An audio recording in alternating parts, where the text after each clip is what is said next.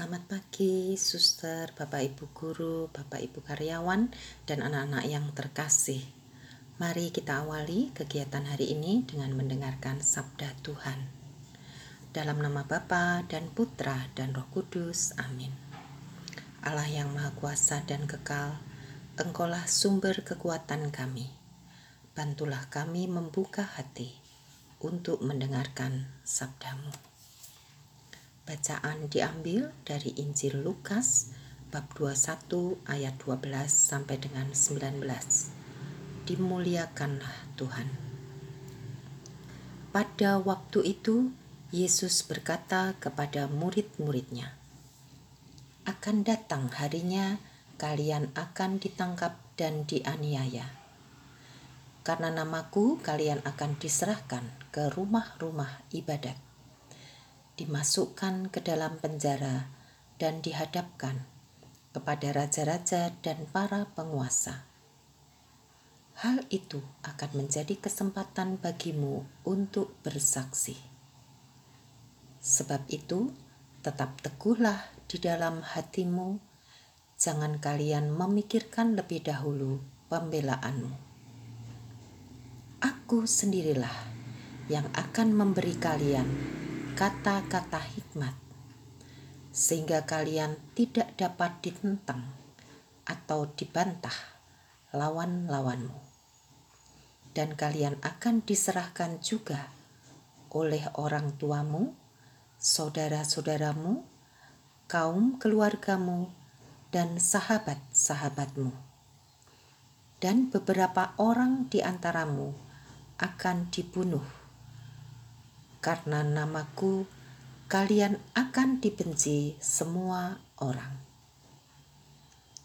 Tetapi tidak selai pun rambut kepalamu akan hilang. Kalau kalian tetap bertahan, kalian akan memperoleh hidupmu. Demikianlah Injil Tuhan.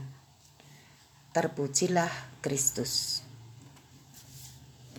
Suster, Bapak, Ibu, dan anak-anak yang terkasih, Hari ini gereja merayakan peringatan Santa Katarina dari Alexandria. Ia dapat menjadi teladan kita dalam bersaksi. Katarina adalah seorang putri bangsawan.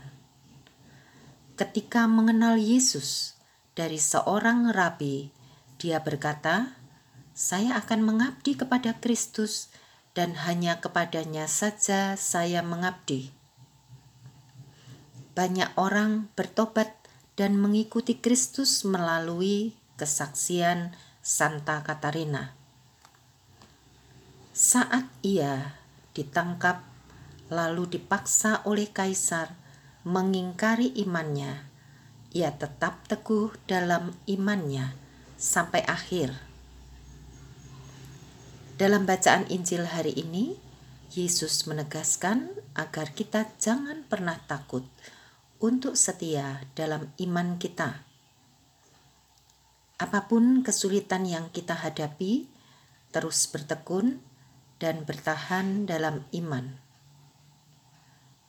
Teruslah berbuat baik, dan Tuhan meminta kita terus bersaksi bahwa Tuhan yang kita imani adalah Bapa yang Maha Baik kita diminta bersaksi dalam perbuatan dan kata-kata. Andai kita kurang mampu, Tuhan sendiri yang akan mengutus Roh Kudus dan akan membantu kita. Marilah kita mohon rahmat Tuhan agar sesulit apa pun tantangan yang kita hadapi, kita dapat bertahan dan tetap setia kepada Tuhan. Marilah kita berdoa.